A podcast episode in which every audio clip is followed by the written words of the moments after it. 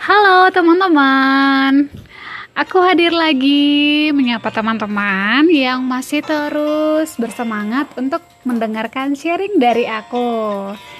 Teman-teman kiranya dalam keadaan yang baik dan sehat selalu ya. Dan hari ini aku mau bahas soal sukacita nih teman-teman. Salah satu buah roh yang harus ada dalam diri kita guys ada sukacita teman-teman? Nah, kalau kita ingat ya kalau ditanya ada sukacita nggak pasti kita responnya sukacita sukacita ye ye ye. Yang kayak gitu ya teman-teman. Dan kenapa aku sangat rindu banget mau sharing soal sukacita? Karena nih jujur saya teman-teman sukacita itu tidak semudah yang bisa kita rasakan Sukacita itu mahal banget harganya.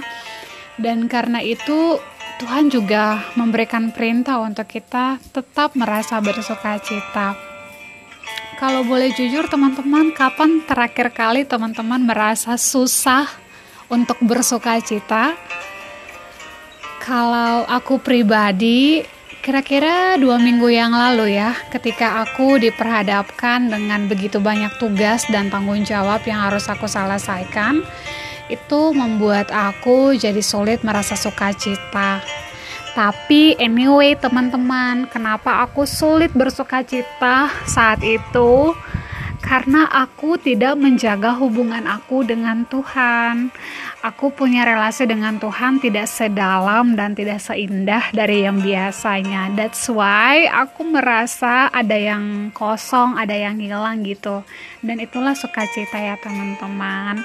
Mungkin teman-teman juga lagi di luar sana menimpa susahnya, lagi ditimpa susahnya untuk bersukacita tapi mari aku juga mau bilang ke teman-teman, kita belajar untuk apa pun kondisinya, apa pun situasinya, kita jaga hati kita ya untuk bisa terus bersuka cita di dalam Tuhan. Nah, teman-teman, sukacita itu kalau boleh jujur banget ya, sangat mudah kita rasakan ketika keadaan kita lagi baik-baik, lagi happy Aku kasih contoh ya, misalnya nih teman-teman lagi baru dapat gaji. Wow, itu sukacita double dong. Misalnya teman-teman baru aja sembuh dari sakit. Nah, itu juga pasti membuat teman-teman lebih bersukacita. Kemudian kalau teman-teman dapat pacar baru, wow, akhirnya dapat pacar guys. Pasti lebih membara dan berapi-api lagi dong sukacitanya. Ayo jujur nih teman-teman. Nah, tapi kalau kondisinya terbalik gimana? Kalau teman-teman lagi putus dari pacar, ayah, terus uh, teman-teman lagi mengalami sakit di rumah sakit, teman-teman punya keuangan lagi bangkrut dari bisnis, teman-teman lagi diberhentikan dari pekerjaan, teman-teman punya keluarga lagi dalam masalah yang besar. Apakah teman-teman akan merasakan sukacita dan tetap berkata Tuhan itu baik? Kalau boleh jujur ya, sepertinya itu agak susah sekali untuk kita bisa melakukannya. Teman-teman, mari kita mau belajar dari satu tokoh dalam Alkitab, Rasul Paulus ya.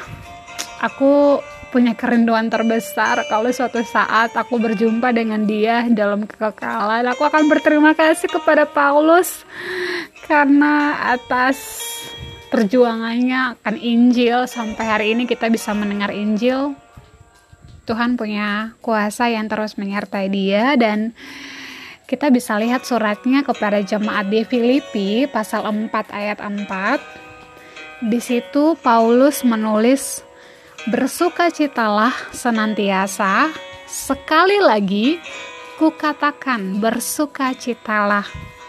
Teman-teman tahu tidak dalam kondisi ini Rasul Paulus tuh lagi menulis surat ini di dalam penjara loh teman-teman dia bilang sukacita tapi kondisinya di dalam penjara teman-teman bisa kebayang nggak bagaimana mungkin ya di dalam penjara terus mengatakan kepada banyak orang, "Hei, bersukacitalah." Sekali lagi bersukacitalah. Itu rasanya kayak orang gila kali ya, teman-teman, kalau boleh bilang. Tapi itulah dia bisa dengan seberaninya menulis perintah Tuhan yang sangat indah ini. Karena dia tahu bahwa segala penderitaan yang dia alami itu tidak sebanding dengan sukacita abadi, sukacita kekal yang akan dia terima di dalam kekekalan, teman-teman. Dan ini sukacita yang mahal, teman-teman.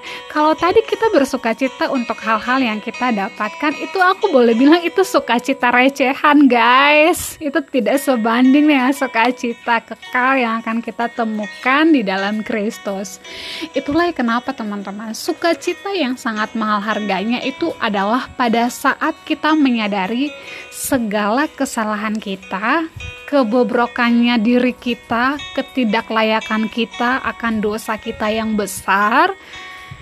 Tapi ada satu pribadi yang rela turun dari surga, guys, dari kemuliaannya untuk menyelamatkan kita dengan darahnya dan itulah kabar sukacita terbesar yang kita punya yaitu kabar keselamatan guys. Itu tidak bisa dibeli dengan apa pun dan oleh apa pun tidak bisa digantikan. Karena itu mari kita boleh dengan bijak memilah ya sukacita yang aku rasakan ini sukacita yang abadi atau tidak. Nah kita seharusnya merasa sukacita yang sangat besar ketika kita menyadari kita adalah anak Allah yang telah ditebus oleh darahnya dan kita sudah diberikan jaminan keselamatan itu untuk hidup di dalam kekekalan bersama dengan dia, bersama dengan Kristus, guys. Nah, oleh karena itu, mari aku mengajak teman-teman untuk kita bisa menjalani hari-hari hidup tetap bersuka cita. Mau hari ini ada masalah apa pun, ada tantangan yang besar, ada persoalan yang rumit, teman-teman datanglah kepada Tuhan. Kenapa tadi aku bilang aku sulit merasa sukacita? Karena hubungan aku dengan Tuhan lagi nggak baik-baik teman-teman. Itulah kenapa kunci dari hati yang tetap mau merasa sukacita itu adalah ketika kita menaruh hati kita kepada Allah, teman-teman, di dalam sebuah persekutuan yang intim bersama dengan Tuhan. Karena sukacita itu seperti payung, teman-teman. Dia menjaga kita saat hari-hari kita lagi hujan, lagi panas. Dia menjaga kita sekali, teman-teman. Oleh karena itu, kita harus bisa menjaga hati kita untuk tetap merasa sukacita dan memiliki hubungan yang tetap terjaga di dalam Tuhan. Nah, teman-teman, apa pun keadaannya, tetap mengingat akan Tuhan, tetap belajar mengenal akan Tuhan, tetap bersukacita, tetap memandang kepada Allah. Karena dengan demikian, teman-teman punya hari-hari pasti akan dipenuhi dengan berkat yang tidak bisa dibeli dengan apa pun, kecuali di dalam relasi yang intim bersama dengan Tuhan. Karena itu, teman-teman, mari kita tetap merasa sukacita, meskipun ada begitu banyak masalah, tapi kita tetap merasakan ada kedamaian, ketenangan yang kita peroleh di dalam Kristus orang lain di luar sana mungkin punya banyak uang, mungkin punya harta yang berkelimpahan, mungkin punya makanan yang enak, punya pekerjaan yang oke, tapi hidupnya lagi dalam keadaan yang tidak baik, susah untuk bahagia, susah untuk sukacita. Tapi kalau di hari ini kita boleh melihat kebaikan Tuhan, kita bisa bersukacita. Itu berkat yang harus kita syukuri, teman-teman. Karena itu, Aku mengajak kita semua teman-teman untuk terus merasa sukacita ya. Karena Tuhan kita adalah Tuhan yang terus menyertai kita dan memberikan kita sukacita itu. Sampai jumpa lagi di episode aku selanjutnya. Tuhan memberkati ya